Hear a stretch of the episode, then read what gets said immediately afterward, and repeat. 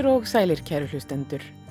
Jólinn nálgast óðfluga og bækurnar hrúast á náttborð bókaunenda. Bókaútgefendur fagnar jólunum að vanda með útgáfi fjölda bóka, skáldsagna og fræðibóka, ljóðabóka og barnabóka, frumsaminna íslenskra skáldverka og þýttra spennusagna, bækur sem eru eins fjölbreyttar og við erum ólík. Jólinn eru mikil góðsend tíð okkar sem elskum bækur og í þessum þætti flettir þáttarstjóri í nokkrum nýjútkomnum barnabókum. Í þættinum er fjallað um tvær ævintýralegar og fyrðulegar barnabækur. Ég er svikari eftir Sif Sigmarsdóttur og Bölvun Múmiunar eftir Ármann Jakobsson. Einning flettir þáttarstjóri í sapni Kvæða og Sagna fyrir börn, Skuggarliðin Jólana sem Eva-Maria Jónsdóttir og Rósa Þorstinsdóttir tóku saman og ræðir við Rósu um íslenska sagnahefð og miðlun sagnarsins til yngstu kynnslóðarinnar. Og þáttarstjóri veltir fyrir sér miðlun sagnarfsins til okkar sem eldri erum og segir fráfyrðusagnaháttíðin Æsing sem haldin var í fyrsta skipti í upphafi mánaðarins í Norrannahúsinu. Við hefjum för okkar í dag á því að ræða við Július á Koper og fjallar Sigurðarsson sem stóðu fyrir þessari háttíð.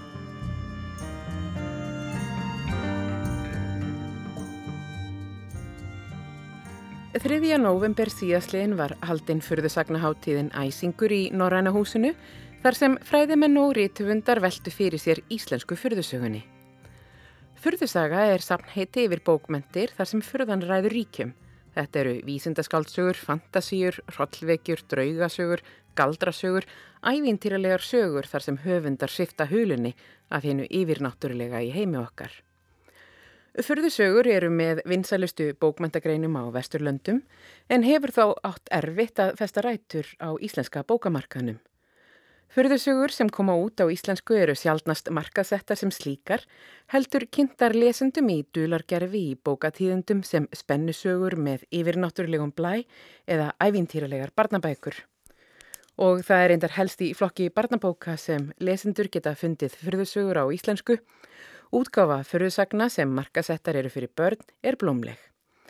Í ár kemur út fjöldi barnabóka sem við getum flokkað sem fyrðusögur, Bækur eins og Ég er svikari eftir Sif Sigmarsdóttur, Bölvin Múmiunar eftir Ármann Jakobsson, Nordnin eftir Hildi Knútsdóttur, Nordnasaga eftir Kristínu Ragnu Gunnarsdóttur og Villuegjar eftir Ragnhildi Holmgersdóttur. Ein íslensk fyrðusaga sem kemur út á árinu og ætluð er fullornum er Þíndarglæpir eftir Einar Leif Nílsen, framtíðar glæpasaga sem kemur aðeins út í hljóðbókarformi á Storytel. Við erum þó fjöldamörk hér á landi sem hefur mikinn hug á að sjá veg fyrðusögunar sem mestan og auka vinsældir hennar meðal fullorðina lesenda. Þáttarstjórnandi var einn þeirra sem árið 2016 og 2018 stóðu fyrir alþjóðlegu fyrðusagnaháttíðinni Æskon. Þar gafst bókaunendum og rítuvundum á Íslandi tækifæri til að ræða saman um fyrðulegar bókmentir en með þeim annmarka þó að allar umræður fóru fram á ensku. Í ár tók nýr hópur við skipulagningu þessarar bókmentaháttíðar og taldi ráðlegt að skapa einnig rými til að ræða þessar bókmentir á okkar yl hýru tungu. Og þar með fættist bókmentaháttíðin Æsingur, vettvangur fyrir bókaunendur að ræða saman um fyrðusögur á íslensku. Þáttarstjórnandi tók tali þá Július Á. Koper og Fjallar Sigurðarsson sem á samt öðrum byrja veg og vanda af skipulagningu Æsings og hinnar alþjóðlegu bókmyndaháttíðar Æskon sem næstverður haldinn haustið 2020. Og byrjaði á því að spyrja af hverju ákveði var að blása til þessarar háttíðar. Uh, uh, ákverðinin sem slík uh, er kannski ekki okkar tveggja heldur kemur út frá hérna, fyrðusagnaháttíð alþjóðleiri sem heitir Æskon og hefur verið haldinn hérna tvísvar fyrst uh, 2016 og svo núna 2018 fyrra og hópurinn sem að var að skipuleggja þá ráðstöfnu kom svona saman eftir á og þá fættist þessi hugmynd að það var í gaman að, að því að þetta eru tveggjara fresti og ver, næsta verður núna á næsta ári að fylla upp í árin á milli jafnvel með svona minniháttíð bara fyrir í íslenska höfunda og þá svona íslensku senuna. Mm -hmm. Já, og þið voru nú með bara ansið glæsilega dagskrá núna í Norrannuhúsinu Uh, uh, og ég kannski veit að því vegna sem ég var að viðstöð tátíðina og ég uh, var beðin um að stýra pallborðu sem var afskaplega, skemmtileg. En hvernig, hva, hvernig hvað, hva, hver var hugmyndinum bak við það hvern, hvern reyndi það ná í? Í raun og veru að sagt, kynna íslenska íslenskar fyrðusugur og þá tvíþætt að skoða hvaðan fyrðusugur á Íslandi koma hver er hefðin og hvert við erum að stefna Já, svona í grunninn sko. Að því, og að því að þetta er í fyrsta skipti sem við erum að gera það þá er þetta eiginlega bara svona ágætis byrjunapunktur mm -hmm. þá erum við á vissan hátt þetta er þetta eitthvað sem við má koma og heimsækja aftur þetta efni mm -hmm. í vonandi setnir aðstefnum sem verða haldnar uh, með svipiði sniði. En þá er þetta góðu punktur til að byrja þú veist uh, bara saga íslensku fyrirsögunar sem er að vaksa rúslega hratt og hefur verið að gera það núna síðustu 20 árin.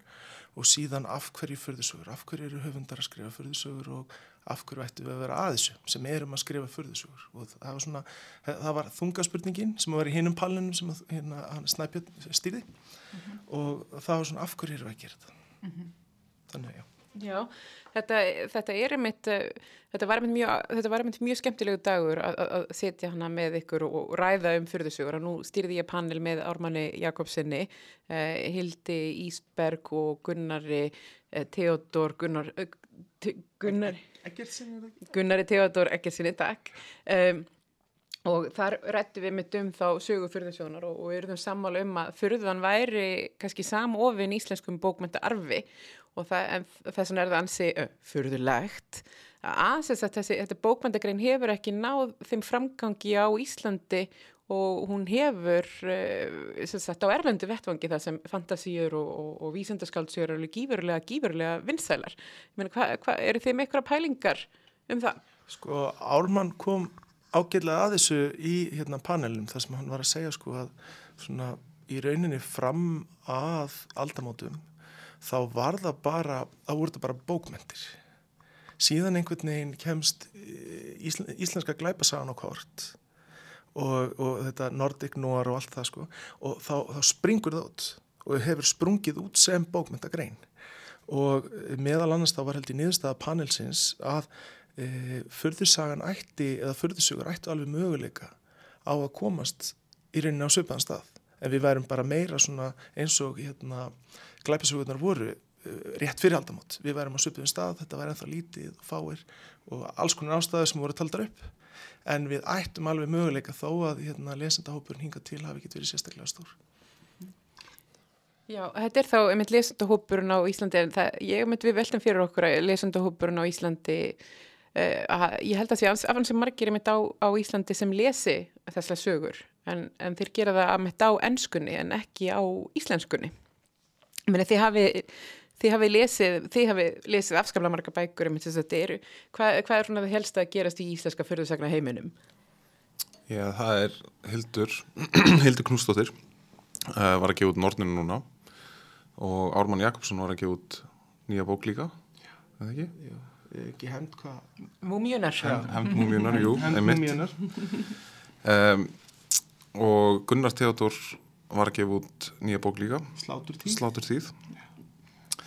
Og síðan sko ég veit að Hildur náttúrulega er að fara að gefa út e, þriðjubókina í seríunni sinni á næsta ári. Náttúrulega að ljúka henni. Já og þetta eru og, og Sif Sigmar sem þetta er að skrifa og er að koma núna, það er þetta að skrifa það á ennsku en það kemur út núna í, ísl, uh, í íslenskri þýðingu bókin í að svikari en eru, veist, en þá eru þetta bækur það er kannski svona merkilegt við þá íslensku fyrðusöguna, þetta eru eru skrifaðar eða, eða markasettar fyrir börn ekki fyrir fullorna, ekki fyrir okkur Jú. Já, ja, ímist er það hérna, markasettar fyrir börn eða þær eru kallaðar eins og glæpasögur eða eitthvað svo les mm -hmm. þó að þær gerist í rauninni í eh, okkar svona fyrðusagna með fyrðusagna blæ erum með svona fyrðusagna sviðismynd þá er það kallaðar glæpasögur eða eitthvað annað svo að það seljast alveg sko. mm -hmm. Já, jú, al al algjörlega og gott dæmið það allir er Emil Hjörvar sem að gá út uh, þýrleik núna fyrir nokkru og allar þær bækur, sérst Nordnasemur uh, Solkvörf og Víhólar uh, voru markasettar sem sérst glæpasugur fyrst og fremst en ekki fyrðusugur og það spilaði aldrei mikið inn í það Hildur Knútsdóttir er markasett oft sem hérna, barnabókahöndur eða unglingahöndur og Arman Jakobsson talaði um það með hérna, nýju bókina sína að það veri sest, það hefði aldrei verið minnst á það sem fantasíu mm -hmm. eða fyrðusögu mm -hmm. heldur væri það sest, barnabók mm -hmm. Svo var, svo var hérna Einarleif Nílsen að gefa út bók og storytell sem er bara að lesa upp og einmitt í hérna, lýsingu á henni þá er hún er listuð sem glæpasaga á storytell Já, og en er samt þá fyrðusaga? Já, er vísindaskaldsaga í rauninni. Sko. Já, og þetta eru þá, að það er svo íslenska fyrðusagur að koma út en þá koma út í dulargerfi? Já, það er aldrei þannig, eins og staðan er að það er hvergi á kápu, það kemur hvergi fram að þetta sé vísindaskaldsaga eða, eða fantasía mm -hmm. sem að, þú veist, er eitt af, eða hryllingssaga per sé, mm -hmm. eða, já, hvað þá fyrðusaga, sko. Mm -hmm. Já, og oft gefið út af, sem sagt, eh, forlöfum sem að gefa aðalega út barnabækur eða unglingabækur mm -hmm. eða krimma mm -hmm. yeah. og þetta er kannski ástæðan fyrir því að okkur langaði að og þessum hópi langaði að hérna, vera með svona ráðstöfnu mm -hmm. það er að reyna að þjætta raðinnar aðeins hjá þeim sem er að skrifa svona sögur sem eru oft í, í dölagerfi og er aldrei minnst á þannig séð sem einhvers konar, já, vísendasögur eða vísendaskaldsögur eða fantasýr Þetta hljóma þá kannski eins og að, að, að, að dándur fyrðusagna þurfi þá og, og að kannski að hérna eða kannski bara við á Íslandi þurfum að byggja upp uh, uh, umgjörðinni kringum þetta það vantar mjögulega þá uh, tímaritt um, um þetta veist, að, að, að svona hátíðir kannski fyrst að skrifa en þurfum við þá að, að fara í þess að við sem elskum þessar sögur en erum ekki andil að skrifa þær þurfum við þá að byggja upp þú veist í rauninni bara markaðin fyrir þetta að kynna þetta fyrir almenningi. Alg, Algjörlega. Um, stórpartur því er náttúrulega líka að þýða erlendarbækur Eh, það, það að bækur sem eru lesnar aðalega á ennsku sem eru fyrðursögur er stór partur að af hverju þetta er sveipað einhverju hulu sem krimmar eða barnabækur þá næri þetta ekki til mm. almennings mm -hmm. en ef sagt, það er meira efna á íslensku þá vil fólk mm -hmm. lesa meira -hmm. Síðan er það að e, þær fyrðursögur sem hafa verið skrifaðar af þeim höfundum sem eru núna þær hafa verið mjög duglegar að nota hérna sagnaarfin okkar, þjóðsögurnar, mm -hmm. uh, norrannu góðafræðina og slíkt. En einmitt eins og sko Ármann benti á í, í panelin þá er ekkert í til fyrirstöðu að stíga aðeins út fyrir þann ramma. En ég held að hluta af því af hverju það hefur ekki gerst svo mikið er að eins og til dæmis ef við horfum á e, vestræna menningu þá leis, þá er svo samofið inn í þá menningu tækni geimferðir mm -hmm. og allt, allt það mm -hmm. og þaðan kemur koma að nöfn og alla hluti sem eru búin til ykkur við þekkjum miklu betur ennsku mm -hmm. og einn af um, þröskuldunum sem að einmitt íslenskir höfundar hafa þá þurft og þurfa að yfirstíga það er að þýða alls konar hluti mhm. og láta það ekki hljóma hjákallega á íslensku mhm og þú veist, ég held að við höfum öll lendið því þegar við erum bara að reyna að skrifa rítgerðir eða mm -hmm. gera eitthvað þar sem við þurfum að nota orð jafnvel þeir sem að vinna í tækningeranum þetta er ekkit einfalt alltaf -hmm. þannig að það hljómi eins, eins og, þú veist, eitthvað trúverðugt eitthvað sem að þú, já, þú veist mm -hmm.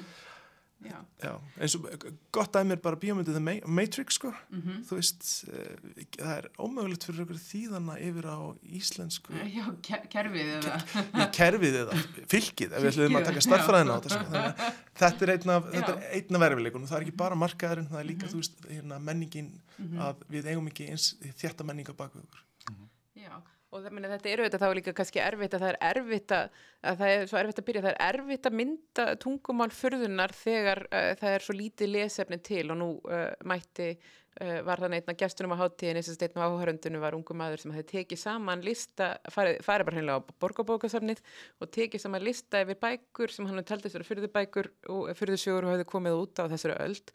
Og þetta voru, þetta voru svona um 70 stykki. Þetta var uh, ágætur fjöldi en þá þetta er þá bara hvað þrjár, fjórar á ári, svo ekkert að margar. Og þá ekkert neginn er og að við erum ekki enþá komin eða rítvöndur okkar er ekki enþá búin að búa til orðaforðan fyrir fyrðuna, hérna, fyrðulega íslensku.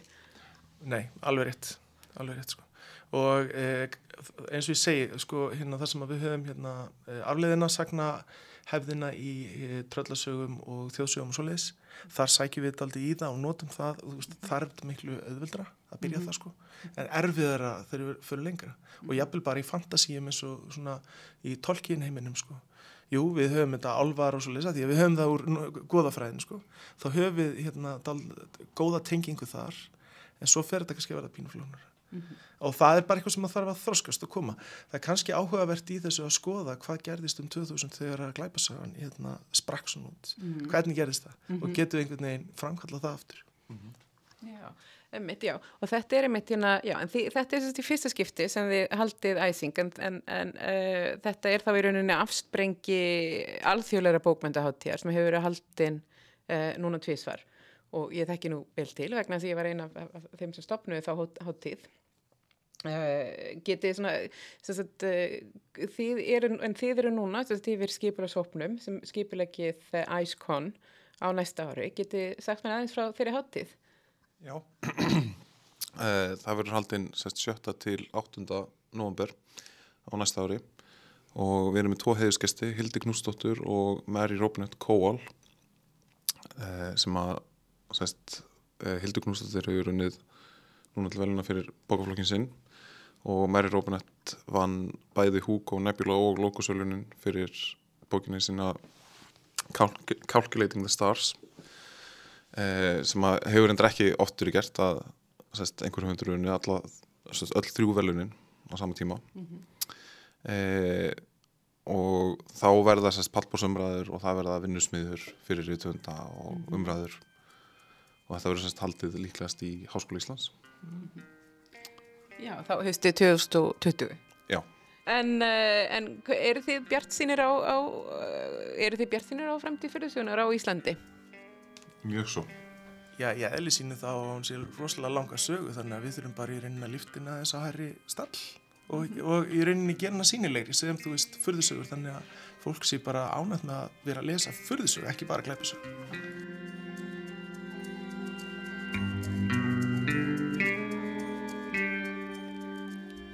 Fyrðusagan lifir góðu lífi hér á Íslandi í flokki barnabóka og eitt þeirra höfunda sem hefur sem mesta aðtikli vakið fyrir verk sín er Sif Sigmarsdóttir sem hefur gefið út fimm unglingabækur, þar af þrjár fyrðusögur. Fyrsta skaldsaga Sifjar, Ég er ekki dramadrottning, kom út árið 2006 og árið setna kom út framhælt hennar, einu sinni var dramadrottning í ríki sínu.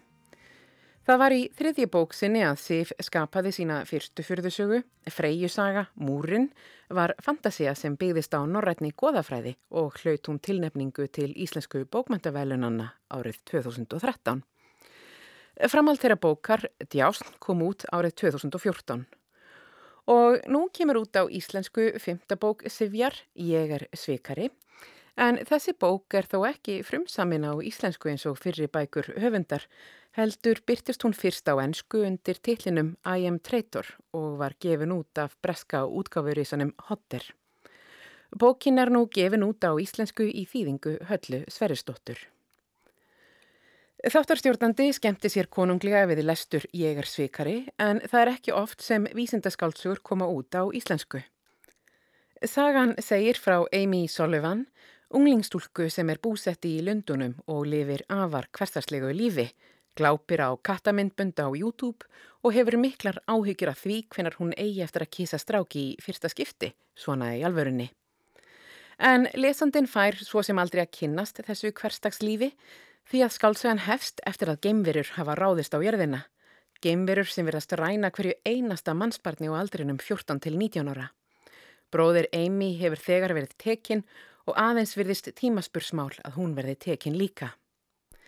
Gaggrinendur hafa líkt skáldsögunni við hérna þýgildu vísindaskáldsögu War of the Worlds eftir H.G. Wells sem kom út árið 1897, eh, skáldsögu sem af einhverjum ástæðum hefur aldrei verið þýta á íslensku. En hún sver sig einnig í ætt við Tripod þríleikin eða þrífællingana eftir John Christopher sem kom út á sjönda áratug síðustu aldar og hlustendur þekkja eflaust margir af BBC sjónvarstáttaröðinni sem var gerð eftir þeim og sjónvarpað undir lók nýjönda áratugurins hér á landi. Líkt og í skaldsugum Wells og Kristoffers sveima vítisfélar yfir ríkjum heimsins í skaldsugu Sivjar. Vítisfélar sem soga til sín fólk sem verður á vegi þeirra. Og það sem vekur sérstakann uggi í brjóstu manna er að vítisfélarnar taka ekki hvert sem er. Gemverurnar vilja aðeins taka unglinga og verðast vita nákvæmlega hvar þeir eiga heima. Amy leitar á náðir ansbyrnurreyfingar sem hefur sprottið upp til að berjast gegn geimverunum og samþykir að láta verurnar góma sig í örvendingafullri tilraun til að koma skilabóðum til flugumanns sem ansbyrnurreyfingin segir að starfi í herbúðum verana. Þegar Amy rankar við sig í gameskipi þeirra kemur þó skjótt í ljósa að ekki er allt sem sínist og erfitt er að átta sig á því hverjum hægt er að treysta. Í grein sem Sif skrifaði fyrir breska bókablokkið Never Judge a Book by its Cover minnist Sif rítöfundarins Úrsulu Le Guin sem lést fyrir ári síðan. Le Guin var eitt besti fyrðusagna höfundur síðara tíma, höfundur sem taldi fyrðusuguna vera tæki fyrir rítöfunda til að rannsaka hitt góða og illa sem býr innra með okkur. Fyrðusagan er tækifæri fyrir rítöfunda til að sína okkur hvaða framtíð við sköpum með gjörðum okkar í dag. Sif tekur undir þessi orð og segir að í starfi sínu sem bladamadur eigi hún stundum erfitt með að lesa fréttir dagsins sem oft eru hrollveikjandi og niðurdrepandi. Förðusögur eru ein leið til að glíma við þennan hrylling. Í þessum sögum getur rítöfundurinn rætt stóru málefnin sem brenna á okkur og mynd lesendur á siðferðilegan kjarnatilverunar hvernig við getum bjargað heiminum. Amy Sullivan ætlar í skáldsögunni Ég er svikari að bjarga heiminum Framtíð mannkynsins er í hennar höndum. En er mannkynnið þess virðið að bjarga? Þegar Amy er dreygin fyrir forsetta gemverana, tilkynir hann henni að sangvæmt lögum kynstops síns, megi hann ekki pynta hana með tækjum gemverana, aðeins með aðferðum sem þekkjast meðal manna. Gemveran opnar svo Google í gemskipinu og vafrar um vefsýður, lítur svo upp og segir mennin að vera einstaklega grimlinda tegund. Eins og ég útskýrði fyrir þér geti ég, samkvæmt sambandslögunum, aðeins beittið þeim refsingum sem teljast eðlilegar meðal tegundarinnar sem byggir þína eigin plánetu. Ég verða að segja að ég á einlega úr vöndu að ráða. Þið, mannfólkið, eru virkilega skapandi þegar grimdarverkuru annars vegar. Hann fletti áfram. Hér er nokkuð sem ég hef ekki séð áður. Rafmagsstól, virkilega áhugavert. Hann rýndi í skjáin. Hér segir að dæmdi fangin skuli vera ólaður niður í stól úr timbri. Þá er rafströymi hleyft í gegnum líkamann í miklu magni í því skyni að valda bannvænum skemdum á lífærum. Mikið er þetta óskilvirt og grimmilegt. Virkilega heitlandi. Hann klóraði sér á hökunni. Henging? Já, það hef ég rekist á áður. Þetta er algengt á harakíu. Það fórum hann hrollur. Harakar, já, óttalega óhræsislegur lítill kynstofn. Mér var farið að sundla svo lítið.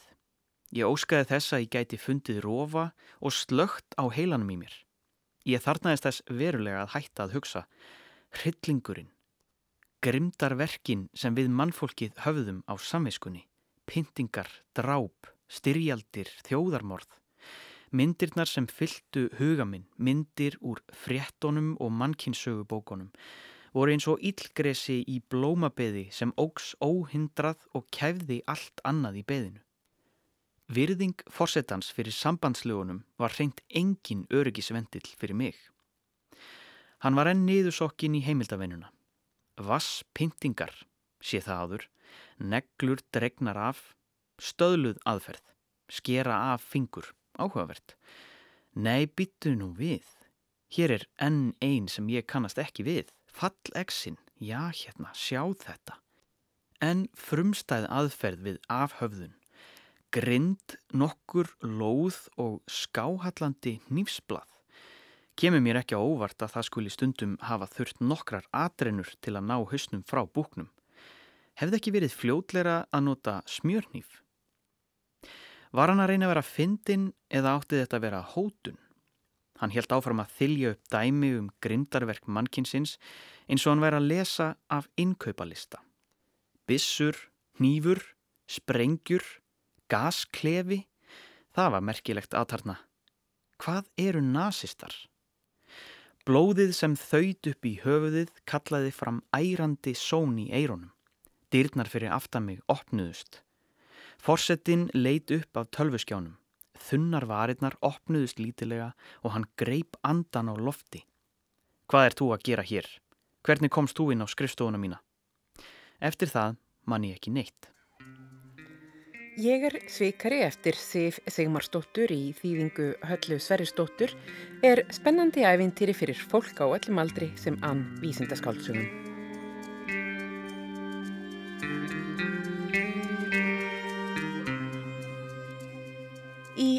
Kom átt tvær skáldsögur eftir Ármann Jakobsson, professor í íslenskum miðaldabókmentum við Háskóla Íslands.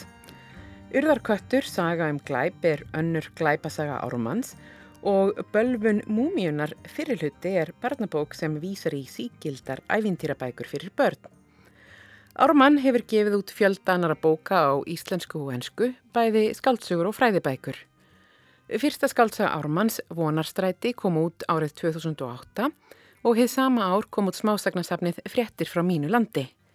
Skáltsagan Glæsir kom út 2011, fyrsta barnabók Ármanns, síðasti Galdrameistarin, kom út 2014, skáltsagan Brótamind árið 2017 og árið 2018 kom út fyrsta glæpasaga höfundar, Útlagamorðin. Samliða skáldverkum sínum hefur Ármann skrifað fjölda fræðibóka, svo síðasta á ennsku, The Troll Inside You, Paranormal Activity in the Medieval North eða Tröllið innra með þér, yfir náttúra á miðöldum Norðurlanda sem kom út árið 2017 og greinir hvernig yfir náttúran byrtist í íslenskum bókmæntatekstum frá 13., 14. og 15. öld, tröll og þjóðsagnaskrýmsli, draugar, völfur og galdrar. Bölvun Múmiunar, Njósnasveitin og leini söpnuður Kvakka er barnabók sem gerist á fornminjasafni í ónemdri Evróskri Stórborg þar sem hinn 15 ára gamla Júlia Bernard dregst inn í æsið spennandi atbyrðará sem tengist nazistum, sértrúarsöpnum og, tja, múmium. Júlia býr á fornminjasafni borgarinnar á samt móður sinni sem er starfsmæður sapsins. Það er svo litið spennandi að búa innan um allar fornminjarnar en ekki óþægilega æsandi finnst Júliu. Allt þanga til profesor Paganel sendir múmju til varðislu á safninu.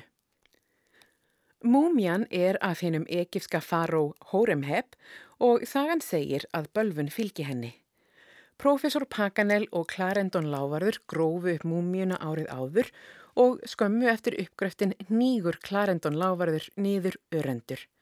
Rafmagnið fer af Kæró í fyrsta sinn í mörg ár, einn verkamæðurinn sem flutti múmíun um borði skipið í Kæró fótbrotnar og hundur Clarendons Lávars hverfur á siglingunni norður. Glöggir hlustendur kannast eflaust við þessa sögu sem er sláandi lík frásögninni af bölfun farósins Tutankamons en múmia hans var grafin upp 1922 af Howard Carter og var uppgröfturinn fjármagnaður af Karnarvon Lávarð sem lést nokkrum mánuðum síðar. Hóremheb er komið fyrir í egisku deildinni í fornminjasafninu og fyrstu nóttina eftir að henni hefur verið stilt upp fyrir ramagnið af safninu. Júlia og móður hennar finna næturvörðin í dauða dái við egisku deildina og í ríkja á hillu í deildinni stendur skrifað ókennilegt orð. Q-A-C-H-A. Kvakka. Þá hefst ævintýrileg atbyrðarás þar sem Júlia rannsakar árásinu af samt bestu vinu sínum, Maríu og Charlie, sem stopna sinn eigin klúb, Njósnasveitina. Er það múmian sjálf sem ræðist á starfsmenn Sapsins?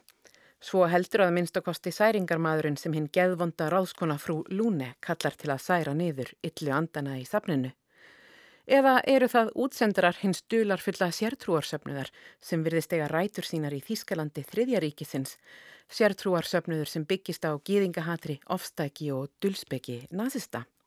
Eða er það einhver auðkýfingurinn sem vil kaupa menningararf annarar þjóðar að ræna múmiu sem þá þegar hefur verið rænt af evróskum forleifafræðingum frá heimalandi sínu, Egiptalandi? Og hver er það sem Júlia er skotin í? Er það Charlie, besti vinur hennar og glaðasti strákurinn í bekknum? Eða Hector, ungi og myndarlegi lögurglumæður með fallega brosið? Eða Albert, yfirlætislegur aðstofamæður professors Paganel sem gengur í nýð þröngum leðurböksum? Bölfun múmiunar vísar í sígildar skáltsugur og reyfara 20. aldarinnar Við lestur hennar hvarf þáttarstjórnandi til barneskunnar þegar hún gróf nefið ofan í ríkfallna reyfara frá því áður en hún fættist. Ármann leikur sér með tilvísanir í þennan vestræna menningararf afþreyingarinnar. Þegar njósnasveitin veltir fyrir sér hvernig glæpamenn hafi getað komist inn í sal múmjunar, veltir Júlia fyrir sér hvort að leinugöng liggjað salnum. Charlie kingar þá kolli hugsi og segir að það hljómi svo lit eins og gömul barnabók en að hans sé farin að hallast af því. Nafnið á njósnasveitinni sjálfur er dreyið af eldgamalli barnabók. Júlia leggur fyrst til nafnið Njósnaþrenningin og bendir á að mamma hennar eigi gamla bók sem heiti það. En Charlie og Maria finnst hann nafn alveg glatað, vilja heldur heita Njósnasveitin. Njósnaþrenningin vísar auðvita til hins sígilda bókaflokks eftir Robert Arthur Jr. um þrjá pilda sem leysa dularfulla lindordóma með hjálp leikstjórans Alfreds Hitchcocks en sjö bækur í þeim bókaflokki kom út í íslenskri þýðingu á áttunda áratögnum. Sögusvið bókarinnar minnir svo óneitanlega á hinn frábæra bókaflokk Adele Blanc-Sac eftir Jacques Tardy. Belgískar teknimyndasögur sem gerast á tímum fyrri heimstyrjaldarinnar og segja frá ævintýrum bladakonunar Adele.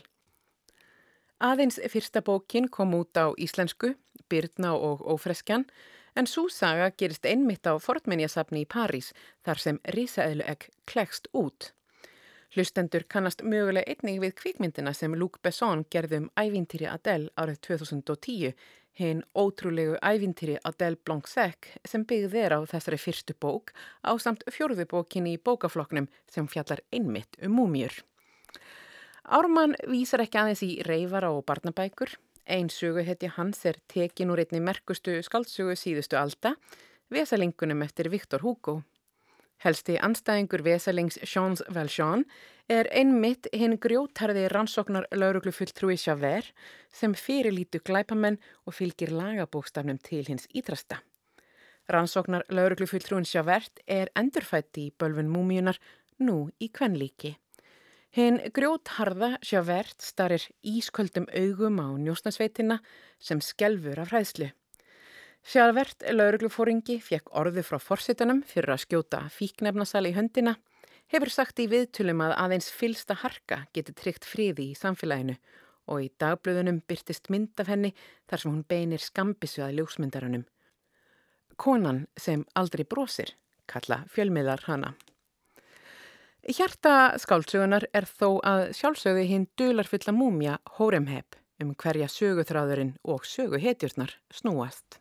Ég veit ekki hvort þið hafi gengið um mannlausa sali í reysastóru fordminjasafni sentað kvöldi en ég get sagt ykkur í trúnaði að það er einlega frekar ískikilegt.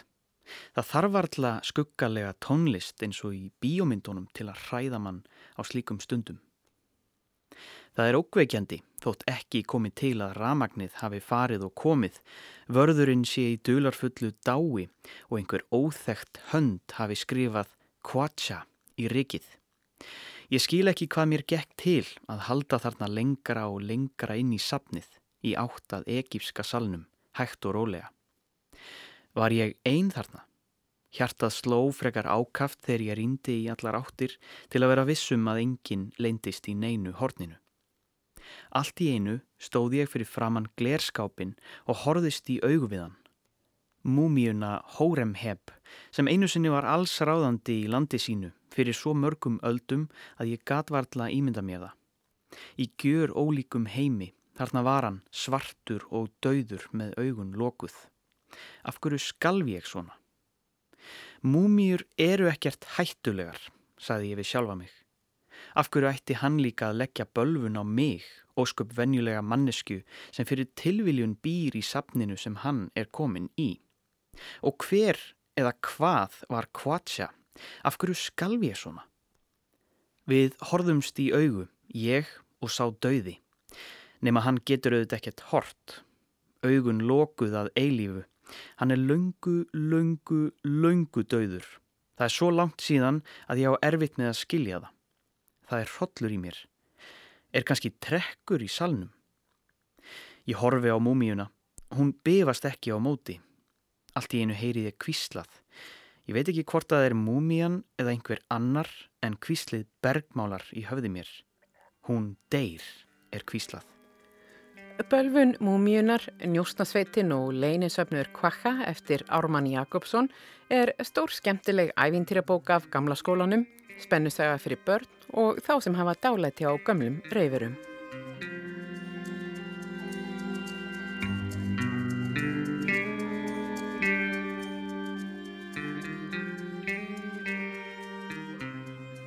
Skuggaliðin Jólana er nýtt kvæða og sagnasapn sem byrstir frásagnir sem varðveittar eru í þjóðfræðisapni stopnunar Árna Magnússonar í íslenskum fræðum.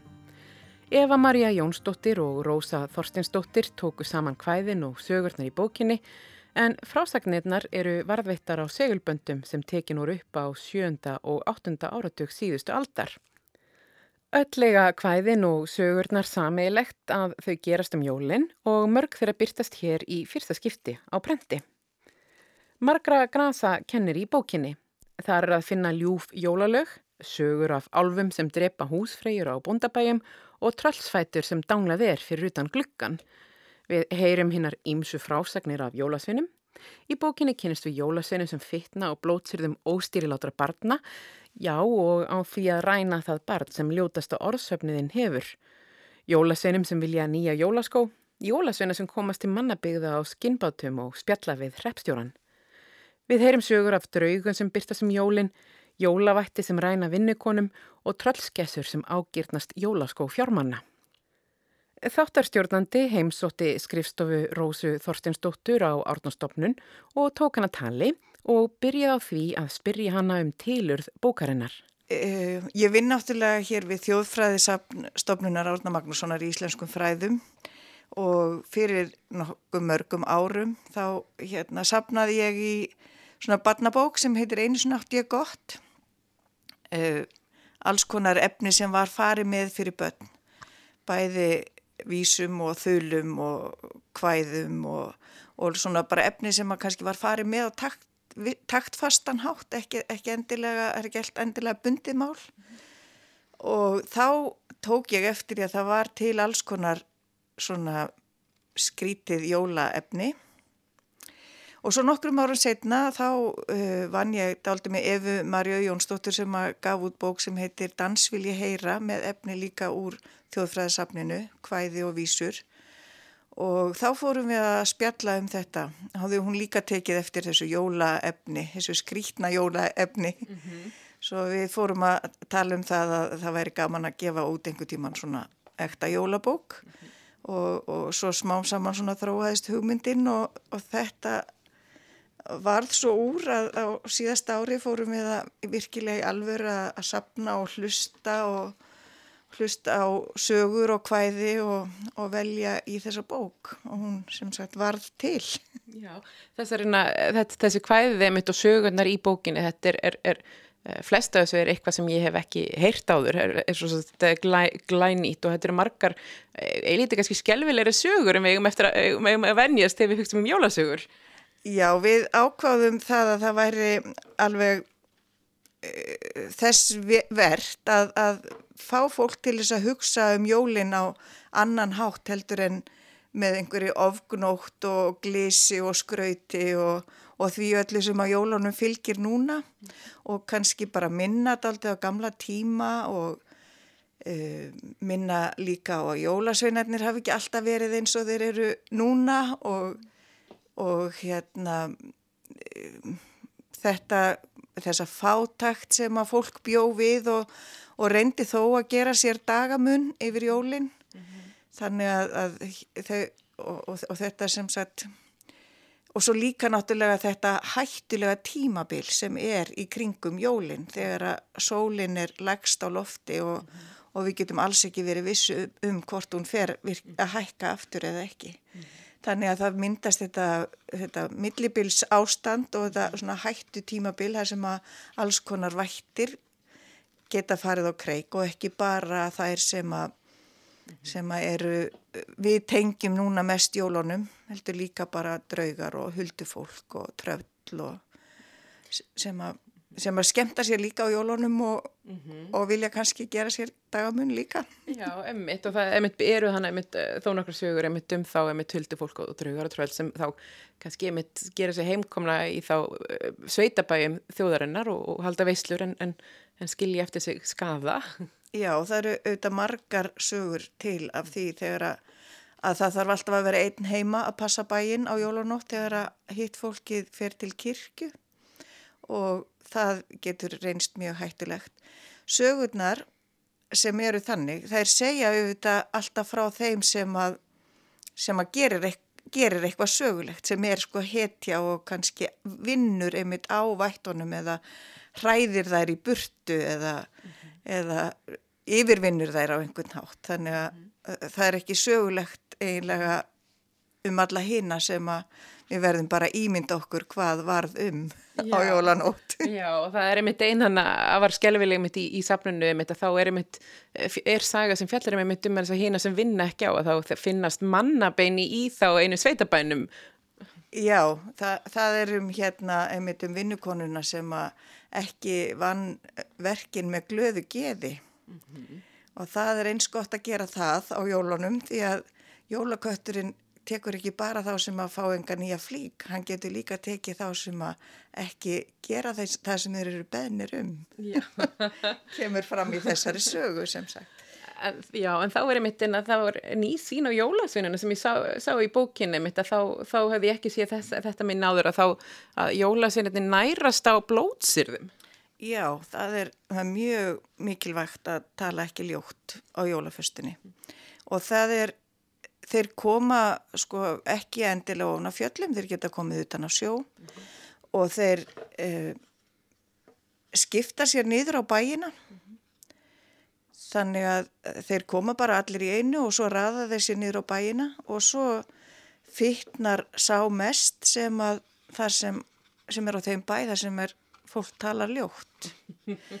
Þannig að, að þetta er svona viðvörunasögur náttúrulega og, og svona dæmisögur daldi þegar það er þarna saganum þennan sem fer á hrefstjóra heimilið en hrefstjórin verður sem sagt vittni að samtali í Ólasveinana og, og eh, byður fólki sett um að tala nú ekki ljótt á jólunum og þannig hann verður alveg, Jólasveinin sem að þar hugði sér gott í klóðurinnar verður alveg eh, þvengmjór og svangur og getur valla gengið það því hann er orðin svo veikburða af sulti. Mm, En uh, þið byrtið í efnisifiliti við bókina, þá byrtið í rauninni þá heimildaskrá þar sem þið, við sjáum að þessar sögur eru teknar upp ekki á 19. öldinni eins og þegar kannski við lust, hugsaum oft um þegar við hugsaum um þjóðsögur að þetta séu 19. aldar sögur en þetta er tekið upp á segulbanda á 7. Eh, og 8. áratug síðust aldar. Já, það, það var sko helsta, já, helsta söpnunar tímabili hér í þjóðfræðisafn átnastofnunar var einmitt á þessum tíma sjöndi, áttundi og fram á nýjunda áratugin. Þá var lang mest sapnað af efni og það voru Hallfríður Örn Eiríksson sem var ráðinhinga sérstaklega til að sapna og svo hjónin Helga Jóhansdóttir og Jón Samssonarsson sem líka, fóru líka nokkra söpnunaferðir. Helga var tónlistarfræðingur og hafði stjórnað uh, þáttum um íslensk þjóðlög í útvarpinu og þannig kynntist hún fólki út um allt land sem að uh, þau fóru svo heimsóttu og tóku upp og, uh, og allt þetta efni höfum við svo verð, hef ég verið að reyna að gera aðgengilegt fyrir almenning þannig að mjög mikið af þessu efni er komið á í gagnagrunin ísmús.is og það er hægt að leita og ef að fólk langar til þess að hlusta á þessar sögur þá gæti það bara að leita það þessu heimildarfólki mm -hmm. þar og fundið svo mm -hmm. sem sagt efnið. Hva, hvað, eru, hvað, hvað er mikið efni varðveitt í þá ljóðskra á márnastofnunar? Því sem er komið svona sem er búið að skrá er þetta svona rétt yfir 2000 klukkutímar af efni. Þannig að það er, það er hérna, eh, það er úr mörg að velja þegar maður ætlar að velja efni í svona litla bók. Ok, 2000 klukkutímar, nú þú eru ég verið að spyrja, hefur þú einhverju hugmyndum hvað er óskráð? Nei, það er, ég, það er nú ekki, ekki annað eins en það er, það er aldrei mikið líka. Ég veit ekki alveg klukkutímana. Og þetta, er, þetta eru sögur sem eru þá teknar upp á, á sjönda og áttunda áratögnum. Um, ekki er, eru sögur teknar setna, ég er að velta fyrir mér, er, er þessi hefð dáin meðal íslensku þjóðarinnar? Uh, þessar sögur? Já, þessi munlega, munlega sagna hefð. Ég held, held reyndar ekki sko, en, en sögurnar eru kannski öðruvísi. Það, og það eru auðvitað þarna þegar að þau eru að taka þetta upp á, á þessum tíma þá leggja þau mikla áslá að tala við eldra fólk og lang, lang flest heimildarfólki sem er tekið upp á þessum tíma er sko fætt jáfnvel fyrir aldamátt, svona á tímabilinu 1875 til 1910 er, er mjög stór hópur af, af þessum. Núna er, er að tala við fólk á öllum aldri og við fáum sem sagt nýtt efni í sapnið aðalega frá nemyndum í þjóðfræðum. Mm -hmm. Því að það er kent sem sagt námskeið í söpnum þjóðfræða og þá velja þau sér verkefni og taka við tölvi fólk um það og það eru náttúrulega oft sögur og ég, það hafa alveg verið, hafa verið draugasögur og, og alls konar sögur en þetta er meira svona, það er svona nútíma legra efni mm -hmm. í lang flestum tilvirk. Já. Hérna eru, eru, eru jólaseinandi stjákla þeir ennum um sem sagt hýbíli uh, Íslandinga þess að í nútíma sögunum? Nei, ég held nefnilega ekki. Ég held að þeir séu alveg hættir að, að hugsa um það hvort við tölum ljótt. Þeir ættu kannski að vera hérna til þess að passa að við slettum ekki mikið. tölum alveg íslensku. Við ættum kannski að fara að þróa, þróa svoleiðis jólasveina. Það er ekki ágætt hugmynd. Ég held að þetta sé frábær hugmynd. en, uh, og bókin er hún alveg afskaplega fægurlega myndskreitt af Óskari Jónasinni. Já, hún, hann hérna gerir mjög skemmtilegar myndir og, og svona dregur fram daldi svona hú, húmorinn og kýmnina en líka stundum það sem er svona svolítið óhugulegt í sögunum. Já, Svo er þarna semst inn á milli svona, já, þessar bæði litlar vísur og svo löngkvæði sem að tengja stjólónum á einhvern nátt. Mm -hmm. Og hérna, og það var nú eiginlega það sem ég byrjaði að sapna á sínum tíma, sko, það er skrítni jólavísur sem að oft einmitt hérna draga fram þetta bæði kannski fátaktina en svo líka tillökunina um að fá eitthvað gott að borða og, og svo líka þetta þennan óskadraum sko að, að með allsnaktirna sko eins og allt sem við getur fengið í jólagjöf alla 13 daga jólana um, Já, emmitt og ég kann emmitt svo vel að með þetta því þið reynsið aðeins orðalagið en, en þið eru það hugsa emmitt um miðlun til barna að það eru á einstaka stað þá eru þið með orðlýsingar hana á, á, á síðunum Já, það, það eru svona orð sem við reiknum með að börn og jafnvel ungt fólk bara nú, núna mm -hmm. skilja ekki sko eða, mm -hmm. eða sé ekki vissum merkingun á og þá reynum við að skýra það aðeins út til að hjálpa foreldránum því að við hugsun bókin að sé sem sagt svona fyrir fullorna til að lesa með börnum mm -hmm. og uh, Svo að þessi skuggarliðin jólana er þá emitt kannski, er þá emitt skemmtileg eða kannski skuggarlegi lesning fyrir, uh, fyrir foreldrar og fyrir af og ömmur uh, núna um jólinn með, með börnunum sínum. Já, það er einmitt það sem við hugsuðum okkur að, að svona gefa, opna svona glugga inn í, inn í þetta mm. Þessa hefð sem að er einlega horfin en, mm. en, en við áttum einhver, einhver tíman mm. og tengist jólunum og í, raun og veru byrtir alveg sömu hugmyndir eins og við höfum núna. Hún, þetta er, er þessi, hérna, þessi óskum að, að geta gert sér dagamun og en það er auðvitað ekki þessi sama ofgnótt og, og þessi mikla neistla sem við þekkjum núna. Svo, þetta er jólabókin í ár? Einmitt. takk að kella fyrir rosa. Já, takk sem við leiðis fyrir komina. Hlýðum hér á eitt kvæðið í skuggaliðin Jólana. Nöfn Jólasveinana sem varðveitt er á segulbandi í árnastofnun í fluttningi Helgu Marju Jónsdóttur húsfreyju sem fættist 1898 og ljast 1999. Þetta kvæði geta hlustendur fundið ásand fleirum á Ísmús vef árnastofnunar um íslenska músík og menningararf á www.ismus.is Tífill og tútur, bakkalútur, refur og retta, stingrimur og sletta, bjálfinn sjálfur og bjálfann spanni, litli drömbur og öfri drömbur, handrömbar alla, lunguslettur og kjettkrókur. Títill og tútur, bankalútur. Þáttarstjórnandi er ánæð að lunguslettir stjáklar ekki lengur um hálendin en hann gekk um með blöyt lungu og landi börnin með þeim. Fleiri verða orðum bækur ekki að þessu sinni. Við minnum á vefsíðu þáttarins á rúf.is skástrygg orð um bækur. Þátturinn verður aftur á dagskrá á sama tíma að viku liðinni veriði sæl.